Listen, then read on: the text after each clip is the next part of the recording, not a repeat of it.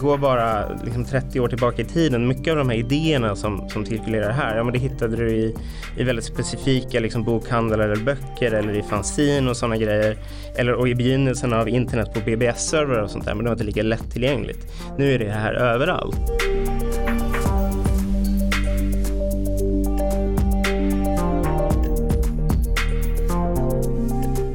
Alltså just i gaming så intressant för att där visar ju det både det att det är ett sätt också att rekrytera individer in i olika ideologiska miljöer men också ett sätt att så här, band, bonda.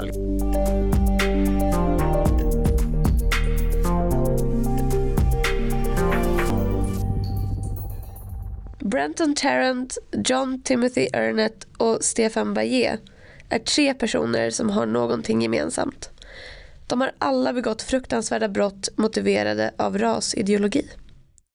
I ett forskningsprojekt har FOI undersökt ensamagerande våldsverkare för att få en klarare bild av hur de tänker och hur deras världsbild ser ut. Per-Erik Nilsson, du är forskare vid FOI och står bakom rapporten Från skitpostning till folkmord. Och Lenita Törning, du är utredare på Centrum mot våldsbejakande extremism. Välkomna till Rapporterat. Tack. Tack så mycket.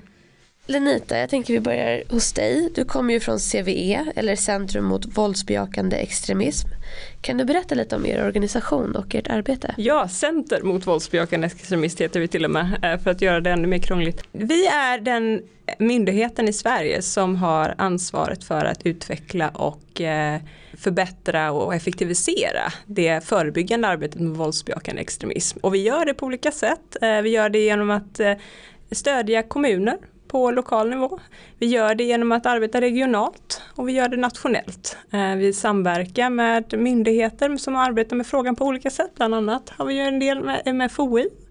Och vi eh, har också en kunskapshöjande funktion där jag är med, där vi producerar rapporter och PM och sådant här. Och vi tar också, stödjer också vårt mobila stödteam då, som åker ut och hjälper kommuner i deras arbete. Så det är oss i ett nötskal. Per-Erik, i rapporten har du använt dig av en empatisk metod som innebär att du försöker se världen ur forskningsobjektens ögon. Det här är inte helt okontroversiellt för de här tre männen som jag nämnde i början har ju begått fruktansvärda brott. Varför valde du den här metoden? Nej men metoden är ju vald just som du säger för att försöka förstå de här aktörerna och varför de har agerat så som de har gjort. Sen så ska man kanske inte heller dra för stora växlar på empatisk metodologi. Det är, på ett sätt är det egentligen bara god forskning som i de flesta forskningsprojekt när man är inom samhällsvetenskap och humaniora och särskilt mer kvalitativt lagda så är ofta ingången att man vill tala med folk och inte bara om. Och när inte det går i alla fall använda sig av förstahandsmaterial, alltså förstahandskällor. Och i det här fallet så är det ju manifesten då som de här tre aktörerna har, har skrivit.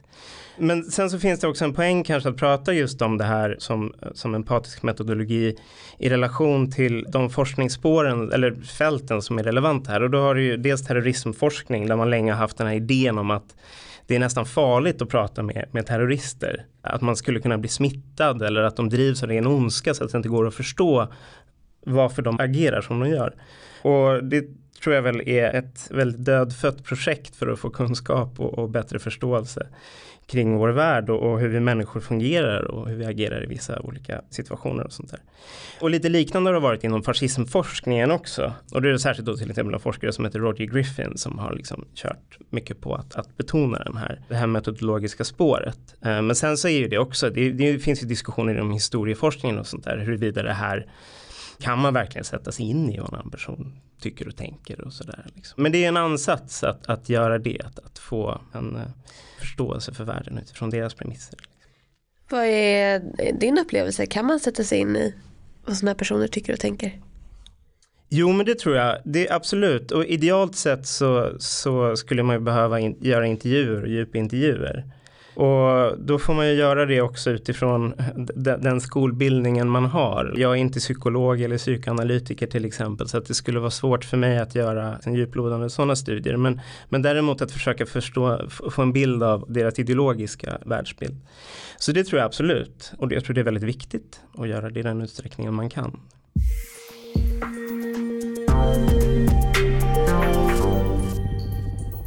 För de som inte redan vet, kan ni berätta lite om de här tre männen och vad det är för våldsbrott som de har begått? Ja men eh, Brenton Tarrant då, han eh, attackerade eh, moské och islamiskt center i, i staden Christchurch i Nya Zeeland. Och han hade ju förberett den här attacken ganska länge och det var 2019 ska jag lägga till. Och sköt ihjäl i kallt blod då, eh, 51 personer och skadade ytterligare 50. Stefan Bayer, han attackerade en synagoga i den tyska staden Halle. Han hade också förberett sig länge, men hans attack var väl ändå relativt misslyckad utifrån hans perspektiv då. Han lyckades inte ta sig in i den synagogan han ville. Så han sköt däremot folk i närheten när han försökte fly sen från polisen. Timothy Ernest äh, attackerade också en synagoga i eh, en stad som heter Poway i Kalifornien.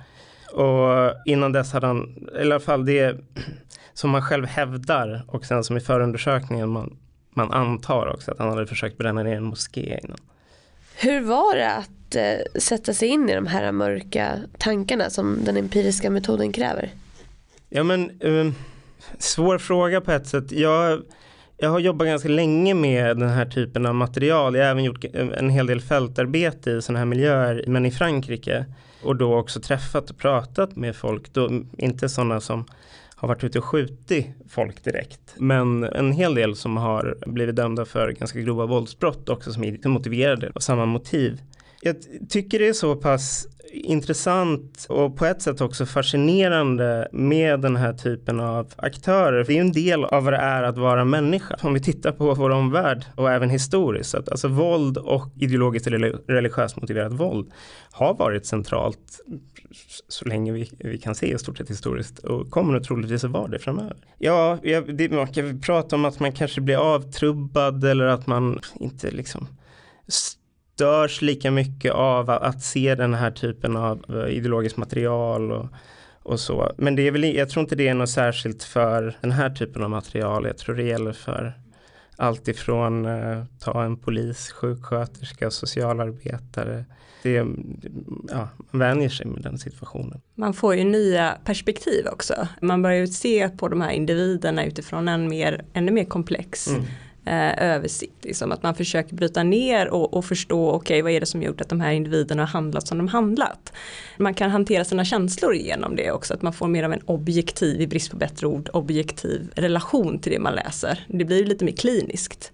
Man vet att syftet är att okay, vi ska läsa det här, vi ska ta del av det här för att förstå de här individerna så vi kan förebygga det här typen av arbete på, på lång sikt. Så syftet fungerar lite som ett skydd för att hålla distansen?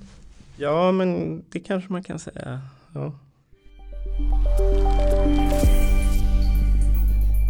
Rapportens namn från skitpostning till folkmord vittnar om att internet spelar en viss roll. Kan ni utveckla internets roll för de här ensamagerande våldsverkarna? Alltså internet, det har ju blivit en väldigt integrerad del av hur vi lever våra liv. Särskilt i, i de här fallen så är det ju några saker som är väldigt tydligt just vilken roll den digitala kommunikationen och integreringen av den digitala sfären i våra fysiska liv spelar. Och dels är det ju hur det är som ett, liksom, ett levande och på sätt och vis också väldigt kreativt ideologiskt bibliotek som går bara 30 år tillbaka i tiden. Mycket av de här idéerna som cirkulerar här, ja men det hittade du i, i väldigt specifika liksom bokhandlar eller böcker eller i fanzine och sådana grejer. Eller och i begynnelsen av internet på BBS-servrar och sånt där, men det var inte lika lättillgängligt. Nu är det här överallt. Så det är ju en bit där, det är den här tillgängligheten.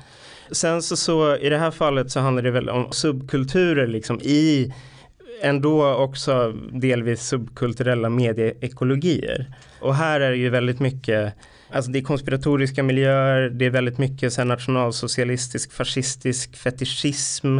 Det är väldigt mycket blandning mellan hat mot det främmande, kärlek för det som man ser gemensamt, den vita rasen, den vita kvinnan, liksom nationen och sådana saker. Så det är en annan aspekt just det här liksom det ideologiska spridandet. Och sen så också så har hela gamingkulturen som ju också sker här är ju central. Alla de här tre har ju liksom i sina manifest också hur de agerat och inkorporerar det. På vilket sätt är gamingkulturen? Ja, både i att, om du tar Bayer till exempel, han framställer sig ju som en soldat från, det är ett brädspel i och för sig, de är Warhammer 40 000, men sen som har liksom blivit ett stort online eh, community också. Och Tarrant gör återkommande referenser till olika former av spel, alltifrån Spire the Dragon 3 liksom som ett barnspel liksom, som han tolkar på ett internationalistiskt sätt till just så här att ja, men, eh, liksom, man, man kan träna till att skjuta folk i sådana här first person shooter spel. Vilket också då kanske det fjärde då är också tydligt hur liksom, men, som Tarrant då livesänder sin attack på samma sätt då som man ser liksom när man spelar sådana här first person shooter spel. Och jag menar, och internets, internas roll i radikalisering har diskuterats. Det finns ju inte så någonting som vi säger att ja, ja, radika, eh, internets roll är jätteviktig i radikalisering. Det finns ju inget den typen av stöd i forskning men att vi vet att internet är betydelsefullt. Och just i gaming är så intressant för att det här visar ju det, både det att det är ett sätt också att rekrytera individer in i olika ideologiska miljöer men också ett sätt att så här, band, bonda, liksom, mm. att man har gemensamma intressen och att det här lockar till sig, eh, tittar man på många av de här manifesten som riktar sig till unga män eller till vita män så, så ser vi också att det, många av dem finns i, i, på gaming, i olika gamingsajter, olika forum. Så det blir också ett sätt att hitta de här individerna och, och sen att de, de kan umgås med likasinnade.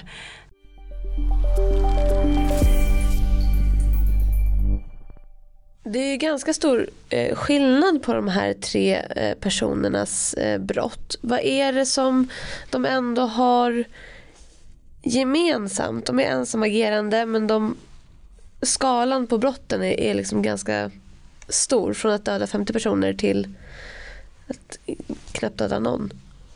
Ja, ja men det, för att börja där bara skalan, den är väl också värd att, att lyfta fram att eh, Tarrant som dödade så pass många och även då Breivik som dödade ännu fler.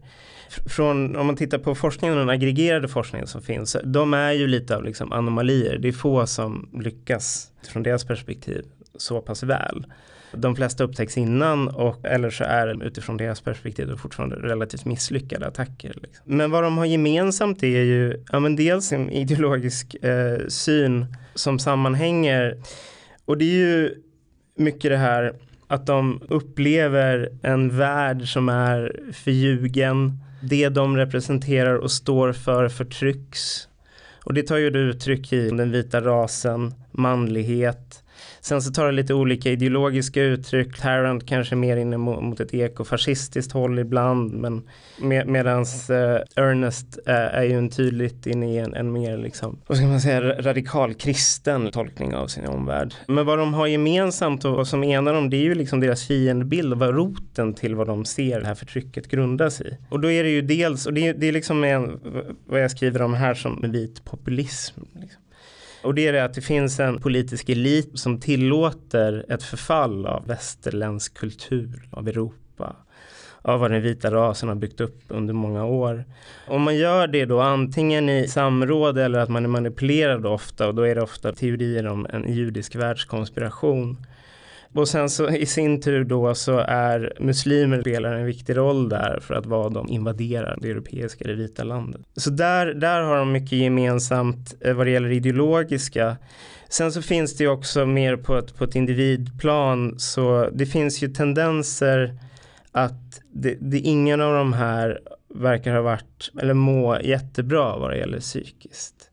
Alltså, det finns te tydliga tecken på mental ohälsa. Men med det är inte sagt att de har ju dömts för sina brott och inte till rätt psykiatrisk vård. Så den är ju viktig med, men det stämmer ju också överens med forskningen om man tittar på den, att det finns de här återkommande. Det kan vara allt ifrån det här, en klassiker med frånvarande fäder till mental ohälsa och till olika typer av, ja men just den, alltså de upplevda missförhållanden sen som man kanaliserar på olika sätt. Hur lång tid tar det för de här personerna att skapa den här världsbilden? Och alltså, för de måste ju motivera den under en lång tid för att det ska bli så extremt.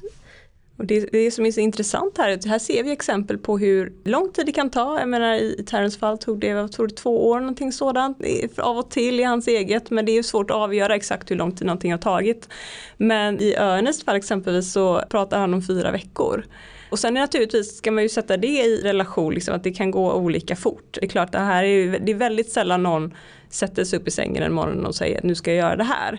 Men det kan gå fort och det kan, om rätt då, och då använder jag ju rätt inom citationstecken, om en rad olika händelser inspelar eller infaller i en människas liv så kan det leda till att den här personen väljer att agera. Och det såg vi, har vi sett i de här fallen. Att Tarrant exempelvis pratar ju om tre trigger points i hans liv.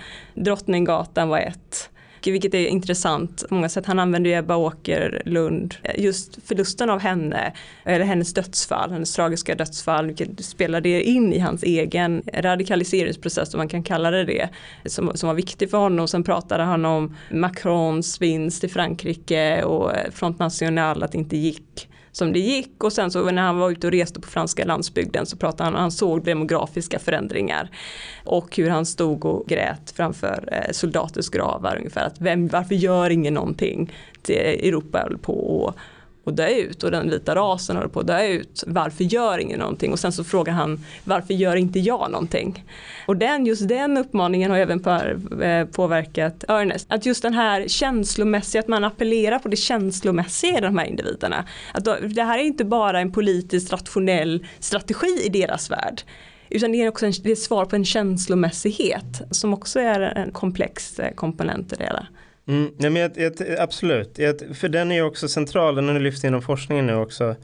Jag tar just den typen av kommunikation, alltså digital kommunikation vi kan observera i den typen av miljöer de rör sig i. Och det är ju, det är ju mycket som appellerar liksom till no, någon typ av så grundaffekt. Som om man tittar på bara instruktioner för att delta i vissa amerikanska, alltså som skribent, amerikanska nationalsocialistiska webbforum eller sajter då då är det ju mycket, man talar just om det här att vi, vad vi vill det är att väcka folks så här råa emotionella bas. Och då, och då kan man göra det, då, då kan det vara, alltså man kan använda så här Tolkien eller Braveheart, göra memes av det. Det upplevs som jättefånigt. Vi vet att det talar till någon slags urkänsla i oss. Man får rysningar av att se Braveheart hålla sitt tal. Men sen så tänker jag också just den här frågan hur lång tid det tar och så. Vi kan ju bara liksom utgå ifrån deras egen utsaga i de här manifesten.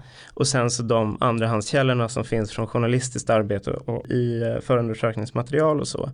Men jag tycker det understryker också vikten av att göra, alltså att tala med de här personerna för att få en djupare förståelse. Nu är inte alltid det möjligt av massa olika skäl. Det, det är, någon, det, borde, det är liksom alltid eftersträvansvärt för att kunna förstå den processen på ett mer holistiskt sätt. Går det att se på sättet de uttrycker sig och sättet de skriver hur nära det är ett våldsdåd? Alltså i de här tre fallen så beskriver de väldigt uttryckligen hur de ska gå tillväga. Alltså Baye till exempel, han har ju, hans manifest börjar med genomgång av de vapen han ska använda och som han själv också har framställt många. Sen så har han en plan för hur han ska attackera synagogan då som han vill attackera. Han har massa olika idéer om hur det ska gå till och alternativa angreppssätt och även liksom flyktvägar och sånt där. Så där är det ju väldigt tydligt. Finns det många som uttrycker sig så eller har planer som aldrig genomförs? Som inte har det i sig att faktiskt göra det? Det finns det säkert. Det är, en, det är väldigt intressant med just manifesten för att de är både insyn i det ideologiska men det är också en, en, det är ju lite av en instruktionsbok. Gör så här. Jag vet att Breivik i sin manifest, det är inte någonting som du tittar på i den här rapporten men där så verkligen går han ju in på, så, gör så här, ta de här stegen. Och eh, jag menar Tarrant och även Ernest i sina där, som förklarar varför de gör det och uppmanar andra att göra det och, så det blir ju lite en call for action. Och de kommunicerar ut det, de släpper det oftast precis när de ska begå de här dåden. Jag vet att Tarrant mejlade eh, Nya Zeelands premiärministers eh, office just det här manifestet innan han satt igång då. Så det blir ju ett, det här spridandet av ordet och att lämna någonting efter sig. I många av de här fallen så lever ju de här personerna fortfarande. Det är också märkligt, det är också intressant, de diskuterar även det. Ska de dö, ska de inte dö? Och det finns ju en önskan då att man ska överleva detta så att man kan fortsätta kommunicera. Man blir martyr, man blir någon i den här miljön och manifestet blir en sån här bidrag till det som ger oss en möjlighet att studera ideologi men ger också andra aktörer eh, möjliga då som skulle kunna ta efter. Som Terrence Manifest inspirerade Ernest. Men den är ju väldigt tydlig just hur de, alltså just det där du är inne på, hur de refererar till varann. Och sen så det här martyrskapet som blir också tydligt i många av de här typerna av digitala forum. Det görs hjältebilder, det görs ikonografier, det görs filmposters, allt möjligt. Så att det har ju den, det, är ju den, det skriver de uttryckligen också, vi vill inspirera. Så att det blir som en, ett, också ett så bibliotek av strategi och en sak som är så intressant i det här också är ju den här hypermaskulina krigsidealet. Som, det är så tydligt att det man kan tro att manifest är generellt sett till en generell publik men det är ganska tydligt i, de, i synnerhet de här tre, jag har inte läst läs, eh, manifest men jag har läst de två andra och det är så tydligt att det är till de vita männen, ni ska resa er, ni ska, eh, som ett riktigt call for action till dem. Och de här intervjuerna de har med sig själva, liksom, det här har vi gjort. Så att det är nästan så att man, de förbereder och identifierar frågor frågor som journalister skulle kunna ställa som de, med information som de tycker är viktiga för personer som kommer sen.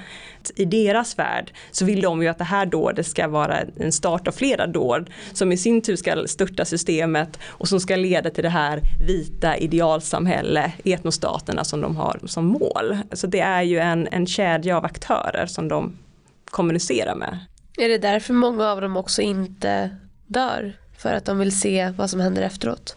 Ja, alltså ingen av de här har, det, det diskuteras ju den här, alltså suicide by cop. Och den, inte bara här men andra generellt, så den, den kan ju ses som den feges utväg. Man ska ju stå för vad man har gjort. Men med det sagt så, det var ju som i Terrence fall till exempel, han var ju han var ju väldigt tydlig när man läser förundersökningsprotokollen och sånt där. Var han, att han var stolt för det han hade gjort och det var en tydlig liksom, riktning i det. Men sen några veckor när det började närma sig rättegång då börjar han ändra sig och säga att äh, men jag kanske inte mådde så bra, jag hade, det var villfarelser, det var röster som talade till mig. Och sånt. Men då avfärdas det för att eh, det anses inte, det ses ju som rent hittepå då bara för att få ett mildare straff till exempel.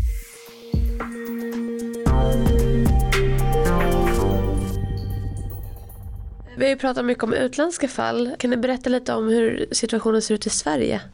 Men rent generellt så det, det, finns ju den här typen av aktörer både historiskt och ganska nutida också. Från jag menar Sonius till Mangs till Lundin Pettersson. Vi har Eslöv, och Kristianstad. Vi har en äldre man som greps eh, utanför Tumba här förra året också. Som hade börjat skriva ett manifest. Och eh, ju som också på olika sätt har refererat till Breivik. Det är ju svårt att göra liksom en så här uppskattning av det är, det är ändå så pass få individer det handlar om. Så det är svårt att göra en uppskattning eh, exakt hur det ser ut och i, i alla fall som jag ser det så behövs det ju mer kunskap och forskning just om de här miljöerna i Sverige också, eller hur det upptas och särskilt bland yngre generationer som jag tycker är tydligt här med de senaste fallen i, i skolor. Men där tänker jag, där har du säkert bättre koll än vad jag har. Ja, vad vi kan säga är att vi vet ju att, att svenskar deltar i de här forumen som är ganska vanligt förekommande som HCAN och, och de olika krypterade appar och sådär. Svenskar är ju duktiga på engelska också så att man är ju aktivare i Eslöv i ett sånt bra fall. Men däremot så är det här, det svåra med den här miljön är ju att veta vilka det är som befinner sig i den. Det är ju en decentraliserad miljö, det är, de är inte synliga på det sättet som vi ser i andra delar av den högerextrema miljön i Sverige, som Nordiska motståndsrörelsen exempelvis. Så därmed är det ju svårt att, att skatta det. Eh, och sen är det ibland, och det är någonting som vi märker när, eh, när vi pratar med kommuner och så vidare, yrkesverksamma som ringer, vi har en stödtelefon som man kan ringa till som yrkesverksamma om man har frågor och sådär. Att det är folk som, som börjar identifiera och ställa frågor som skulle kunna visa på att individer befinner sig i den här miljön. Men sen är det svårt att veta vad som är åsikter och vad som, vad som är att man befinner sig i gaming-sajter och sådana här saker och vad som faktiskt är planer att agera. Vi är ju på CVE är ju ingen underrättelsemyndighet så vi har ju inte den typen av information som Säpo eller andra skulle kunna tänka sig ha. Men vad vi kan se är ju det finns ett stort behov från yrkesverksamma i, i både kommuner och i myndigheter att få lära sig mer om detta och det är ju en sån, ju mer kunskap man får om någonting desto mer börjar man se tecken på det. Sen ska man ju inte vara alarmistisk och tona upp det här hotet. Även om Säpo pratar ju om ensamagerande inom den högerextrema miljön och inom den våldsbejakande islamistiska miljön som det största terrorhotet mot Sverige. Men det betyder inte att man ska bli alarmistisk utan man, det viktigt är att, att se det, sätta det i perspektiv och säga att det här hotet finns. Det följer ju också det internationella mycket, det som vi ser på internationell plan uppmärksammar man ju också mer i Sverige för grund av att då får man upp ögonen för det. Men vi släppte ju en rapport, eller ett PM i januari förra året som fokuserar på våldsbejakande högerextrem accelerationism och det fick väldigt mycket uppmärksamhet. Så det är så tydligt att, att det finns ett intresse och en, en önskan att lära sig mer om detta.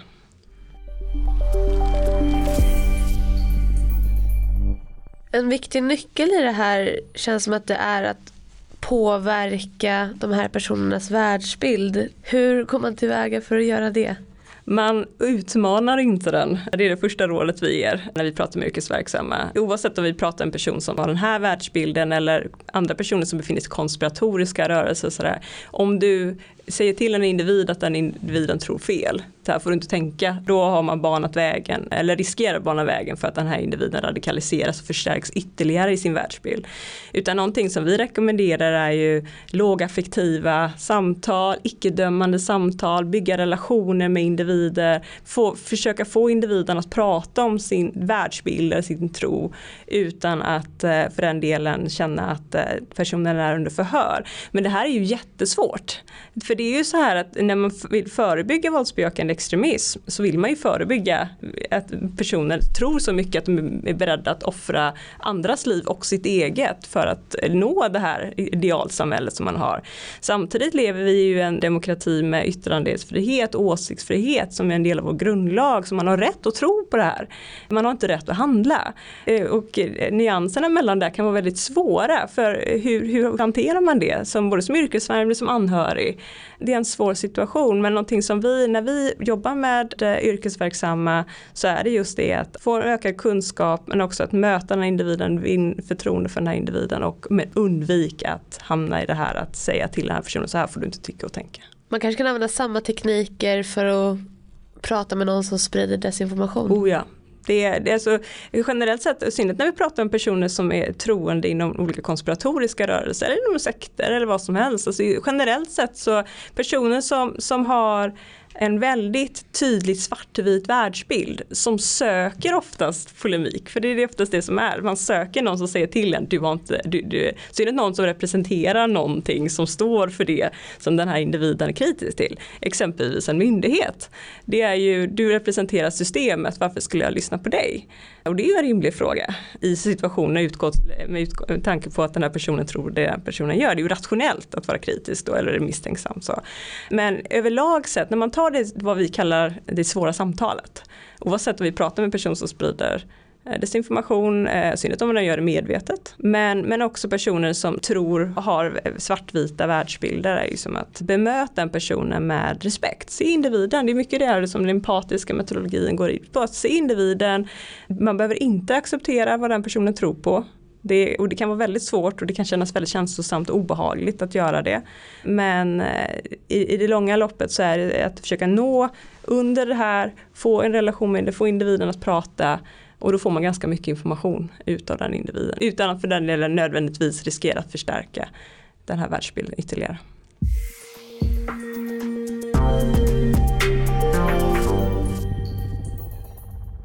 Hur beskriver ensamagerande våldsverkare sig själva? Det är en svår fråga att svara generellt på. Det beror ju väldigt mycket på ideologiskt, vilken kontext och eh, utifrån vilka premisser de handlar. I, I de här tre fallen så är det i alla fall några återkommande teman. Och Ja men ett är ju att de ser sig själva som någon form av etnosoldater eller raskrigare. De är liksom avantgardistiska, liksom, De står längst fram i slagfältet. Och just som jag varit inne på, med sina handlingar ska snabba på samhällets förfall, alltså accelerera. För att sen utifrån det förfallna samhället då kunna bygga ett nytt, ur askan ska det resas något nytt. En väldigt tydlig så här fascistisk tanke. Men sen så är de ju också inne, som du nämnde här Lenita också, det är den här alltså maskulinitetsbilden är väldigt tydlig. De är, det är de här liksom krigarideal som förs fram. De framställer sig själva eller ser sig själva också som personer som har sett sanningen, de har sett igenom de stora lögnerna. Så på så sätt så blir de också sanningssägare så att deras handlingar ska liksom vittna om det, det sanna. Det finns ju också en viss skillnad från till exempel incels som jag uppfattar som har ett lägre självförtroende eller en sämre eh, självkänsla kanske än vad det låter som att de här personerna har. En sak är det vad de känner och en annan sak är vad de kommunicerar mm. utåt. I det här fallet så läser vi deras manifest. De porträtterar en bild av sig själva som de vill sända ut till omvärlden. Och vad som är ytterligare vid sidan av det du sa som är jätteintressant det är ju att de också ser sig själva som vanliga män de ser sig själva som de här vanliga män, de männen som de försöker attrahera. Den här vita ariska mannen med europeiska rötter som är så otroligt viktigt ideologiskt för de här personerna. Och de visar, kan jag så kan du också. Så det är verkligen den här lite av en influencer-aspekt här nästan. På ett sätt och vis när de pratar om sig själva så låter det väldigt grandiost. Samtidigt mitt i allting så vill de tona ner det och visa sin vanlighet. Att jag lämnade det här och jag gjorde det här och det här offerskapet som lägger grunden till att man blir martyr sen. Det kan vi också se i jihadistiska eh, sammanhang också, liknande typer av berättelser. Det är, det det är så intressant det här ja, det är både grandiost och vanligt på, på samma gång. Du blir någon i den här miljön och du är med och bidrar till det här samhället då som de har i tankarna. Men du är också en vanlig person. Vill vara relaterbara fortfarande. Exakt, jag skulle säga att det är nog det som de strävar efter att vara lite. För att det är ju att vara relaterbar till då man inspirerar andra att göra detsamma. Det är, det är ju samma, läser man självhjälpsböcker så får du den typen att du kan detta. Mm. Man, man, skapar inte någon elit. Och på det sättet så skiljer ju sig de här miljöerna åt vad man kan se exempelvis i väldigt eh, centraliserade, organiserade högerextrema rörelser som Nordiska motståndsrörelsen där det finns en tydlig hierarki. Att du är någon, liksom, du har den här positionen i rörelsen men i den mer av den decentraliserade ledarlösa högerextrema accelerationistiska miljön så blir det så att du kan ta till vapen, du har den möjligheten, det är ingen som behöver säga till dig. Och här kommer någon som är jämbördig med dig som gör någonting, då kan du också göra någonting. Så man kan skapa de här ringarna på vattnet då, man skapar aktörer genom det. Vilka tecken ska man vara uppmärksam på förutom de här radikala åsikterna? Oj, det, det, varierar ju. Det är ju så individuellt. Och skulle man titta på dem, vi skulle följa de här tre fallen innan de skrev de här manifesten så skulle vi se olika livshistorier. Och det är ju det som gör det förebyggande arbetet utmanande. Och det är ju även när det gäller ja, förebygga, inte bara radikalisering utan andra former av antisocialt kriminellt beteende också för den här delen. Men, men det är klart att alltså man kan se är ju förändrade beteenden, man börjar klä sig på ett visst sätt, man börjar kanske lyssna på viss typ av musik, man byter umgänge umgängeskrets. Man förändrar sitt vardagsliv kanske drastiskt. Man slutar umgås med vissa personer, man drar sig undan. Det är exempel på tecken som skulle kunna vara, handla om det här. Men det kan också vara någonting som sker helt utan att familjen upptäcker det också. Så att det är ju svårt. Vi håller ju på på CVE att ta fram en, för ett stöd för yrkesverksamma att ta, ta fram ett bedömningsstöd som hjälper yrkesverksamma att, att reda lite, ställa lite frågor. Vad, vad ska man titta efter? Efter, in, inte en uttömmande lista med ett stöd. Vilka frågor ska man ställa och inte minst då socialtjänsten om det kommer en orosanmälan, vilket var ju Eslöv i fall, det var ju sånt där exempelvis, där gick vi till, eh, till socialtjänsten. Men det finns ju ingen, det finns ju ingen blueprint och det är ju det som gör arbetet utmanande. Men det är så det är att jobba med människor. Det är ju inga maskiner vi jobbar med, det är ju människor. Vi, vad vi brukar säga så här, känner man oro för en individ. Agera på den oron. Prata först och främst med individen. Men annars som sagt att, att agera på sin oro är att bry sig. Det kan ibland känna att man kallar på någon för att man kontaktar socialtjänsten och polisen om man är riktigt orolig för en individ. Men det är att bry sig och det, det är viktigt att ha det i åtanke och då är den här typen av kunskapsmaterial ett sätt att bli lite lugnare i det.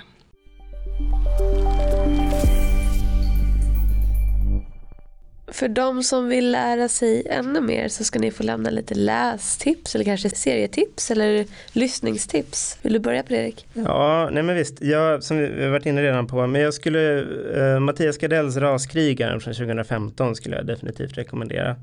Den är ju väldigt bra också för den bygger just mycket på intervjuer. Sen också svensk så Åsa Erlandssons eh, Det som aldrig fick ske eh, skulle jag också säga bra. Sen så finns det för de som vill läsa lite mer om ideologiska miljöerna och vit maktutveckling i USA så Catherine Bielu Bring the War Home. Det finns också ett, ett bra forskningsinstitut som heter Institute for Strategic Dialogue som släpper väldigt många bra och kortfattade rapporter. Och sen så, så eh, att hålla ett öga på vad som kommer från FOI och CVE såklart. Jag instämmer i det, du tog flera av mina titlar där, det känns bra, då är vi överens Men sen jag kan ju rekommendera den, eh, det PM som vi släppte eh, från CVE i januari förra året eh, som heter Våldsbejakande högerextrem accelerationism, finns på vår hemsida www.cve.se. Sen rekommenderar jag också en akademisk think tank som heter ICSA, som står för International Center for the Study of Radicalization and Political Violence, som släppte ganska nyligen en väldigt intressant rapport om hur våldsbejakande höger högerextrema accelerationister inspireras av jihadister i både i deras sätt att agera och eh, symbolik och så vidare. De är två olika eh, ideologiska miljöer men de, de är snarlika på många sätt. Så den kan jag rekommendera vid sidan av det som Pelle rekommenderade alldeles nyss. Tack för jätteintressanta lästips och ett väldigt intressant och också skrämmande samtal. Eh, vi kommer länka till alla lästips på www.foi.se rapporterat.